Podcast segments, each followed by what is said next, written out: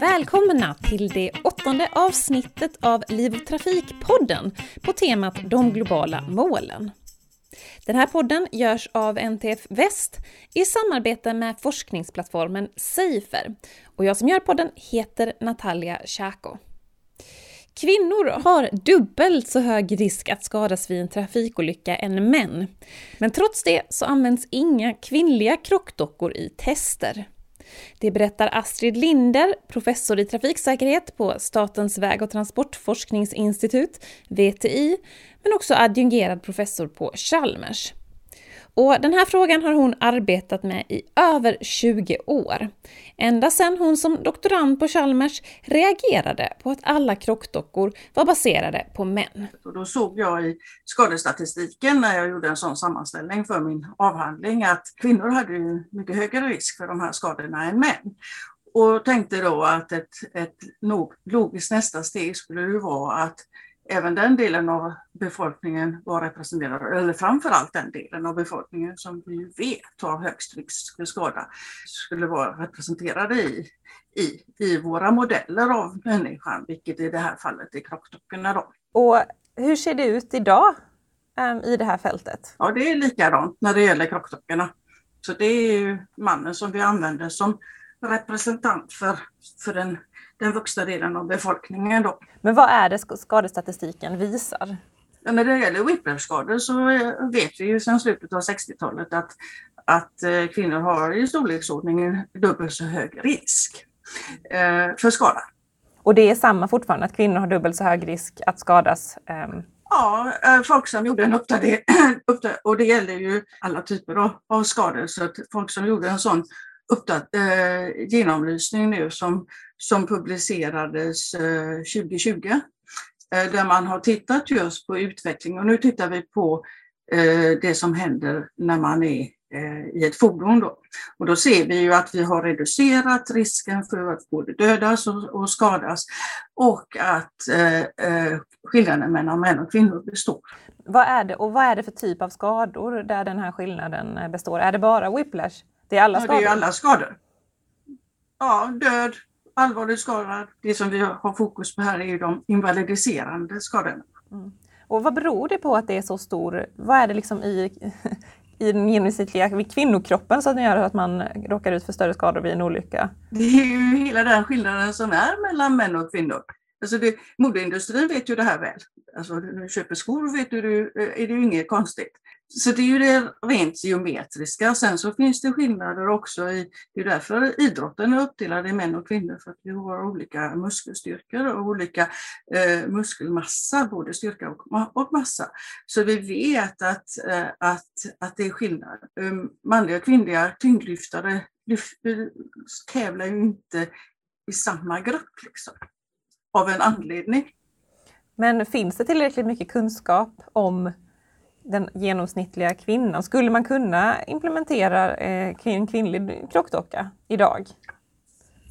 Ja, det är ju det som jag har gjort de senaste, ja sedan jag disputerade 2002 och framgent då, eh, senaste 20, år, 20 åren, eh, är ju att dels eh, ta fram underlag som som då inte fanns, eh, men också att visa att, att underlaget finns. Och vi har gjort det i dels en virtuell modell av en kroppdocka eh, som man kan använda tillsammans med den genomsnittliga mannen av en genomsnittlig kvinna.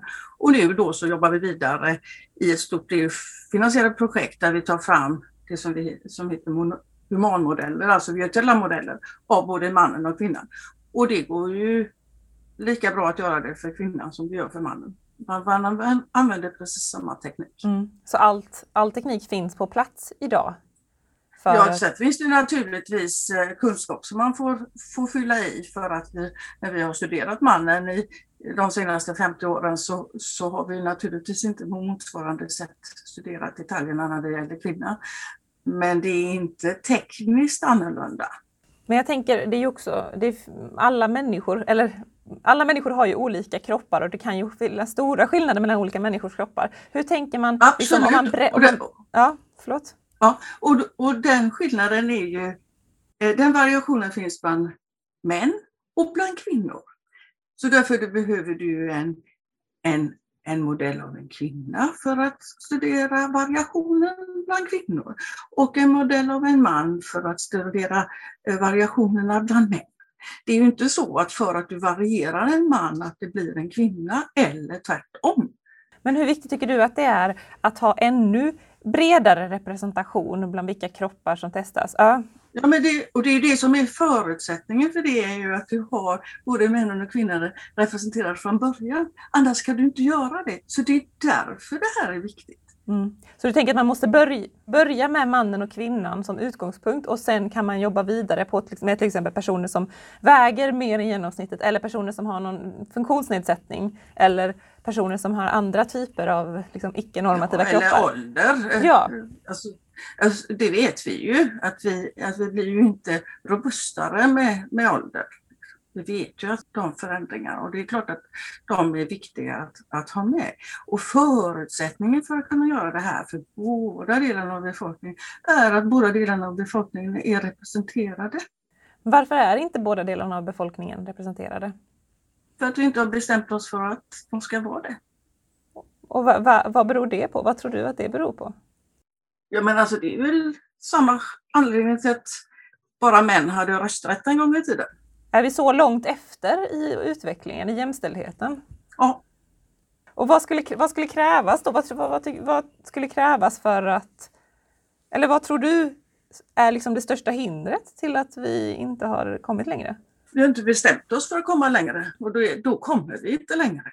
Samhället måste ju kräva det. Vi kan ju inte förvänta oss en enskild industri eller en intresseorganisation eller, eh, ja, eller konsumentprovningsorganisation här utan det är ju samhället som, som, som eh, bestämmer det här. Alltså det är enkelt uttryckt i, i eh, det som vi kallar typgodkännande provningar.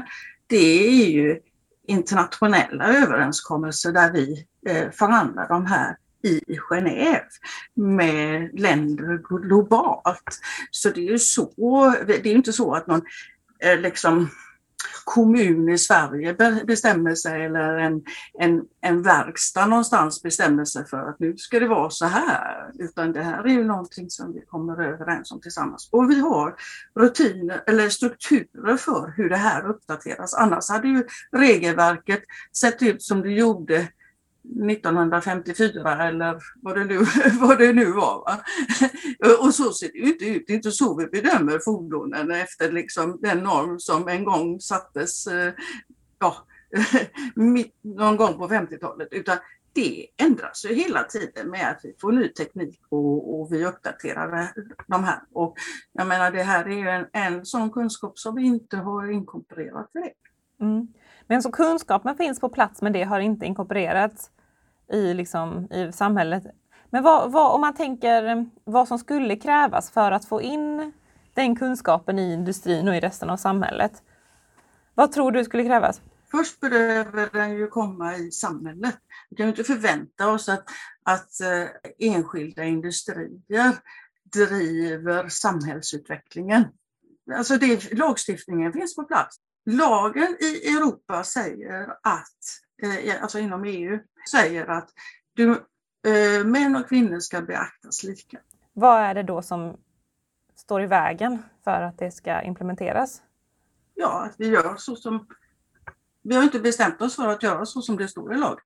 Vi har gjort prototyper, all kunskap finns samlad, den finns publicerad och så vidare. Men vi har inte omsatt det här i kommersiella dockor som, som, som motsvarar den, eh, den kvinnliga delen av befolkningen för att det inte efterfrågas. Lagen säger att män och kvinnor och det här gäller allt. Nu pratar vi specifikt krocktekniskt och där finns det ett regelverk som, som i, i eh, Europa heter UNECE som vi följer. Så när, när regelverket säger, regelverket säger att när du ska typgodkänna en, en, en bil så ska du använda en modell av en genomsnittlig man. Då gör vi så. Då gör också industrin så. Naturligtvis. Det är det som vi har sagt er är liksom det man ska göra. Man kan inte förvänta sig att, att industrin ska göra något annat. Och samtidigt kan man inte heller förvänta sig att produkter, eller för det här är ju en produkt eller liksom en modell av en människa, tas fram om den inte i något ställe krävs att den ska användas. Är det liksom attityder i samhället som behöver förändras? Ja, men alltså vi får ju ställa krav på våra politiker. Alltså de gör ju det vi så att säga kräver av dem. Men du blev, jag vet ju att du blev utnämnd till årets jämställdhetsstjärna eh, av nätverket Jämställdhet i transportsektorn. Hur, hur står det till med alltså jämställdheten i transportsektorn? Är transportsektorn långt efter resten av samhället eller är det likadant överallt?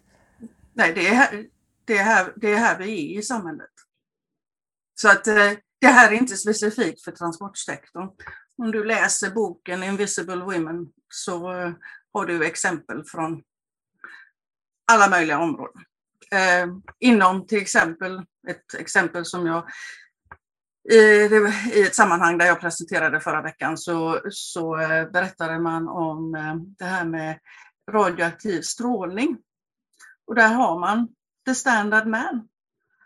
Fast man vet att det är skillnad i, i eh, både hur vi, vad som händer i våra kroppar när vi utsätts för strålning och toler, toleransgränser och, gräns, eh, och gränsvärden och sånt där.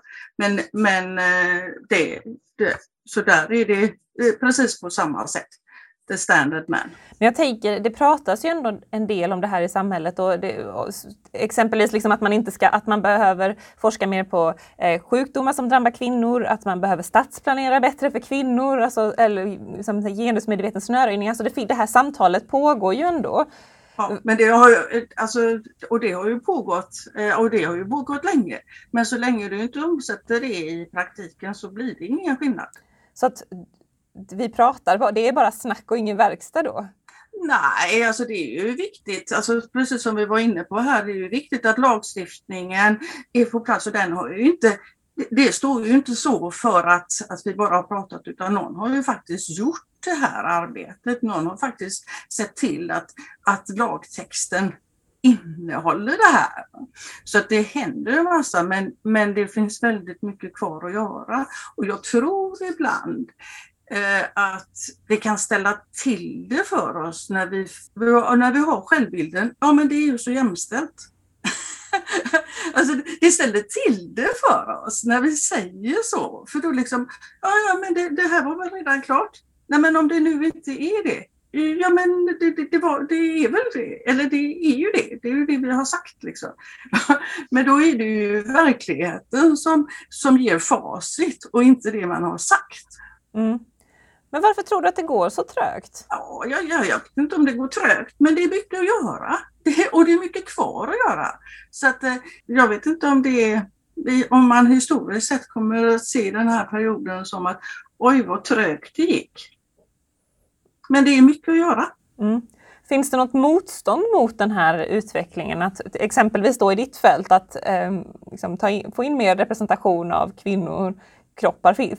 Finns det ett motstånd eller kan det vara det som påverkar också? Ja, men alltså, som, jag, som jag lyfte, jag tror att ett mentalt motstånd är att vi har självbilden att det är jämställt.